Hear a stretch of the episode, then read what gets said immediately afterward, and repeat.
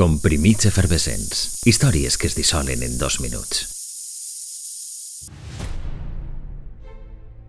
Les ciutats no sempre han sigut els espais que coneguem, ordenats per dispositius electrònics que regulen el trànsit.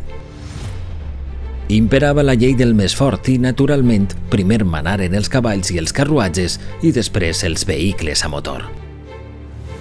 Passaren molts anys fins que els vianants, els primers i legítims usuaris de la via pública, recuperaren terreny. Un 18 d'abril instal·laven el primer semàfor elèctric per a vianants. Una innovació que aplegava dels Estats Units. Walk, don't walk, dos expressions retroil·luminades que regulaven el pas de persones. Perquè el ben cert és que els semàfors, fins aquell moment, sempre s'havien pensat per administrar el trànsit rodat les persones que es desplaçaven a peu no tenien alternativa i en segons quina intersecció travessar el carrer era poc menys que una temeritat. Passaren molts anys, massa fins que començà a integrar-se plenament el vianant en el sistema de regulació viària. Una necessitat que va començar a solucionar-se amb estos dispositius que encara tardarien sis anys en aplegar a Europa.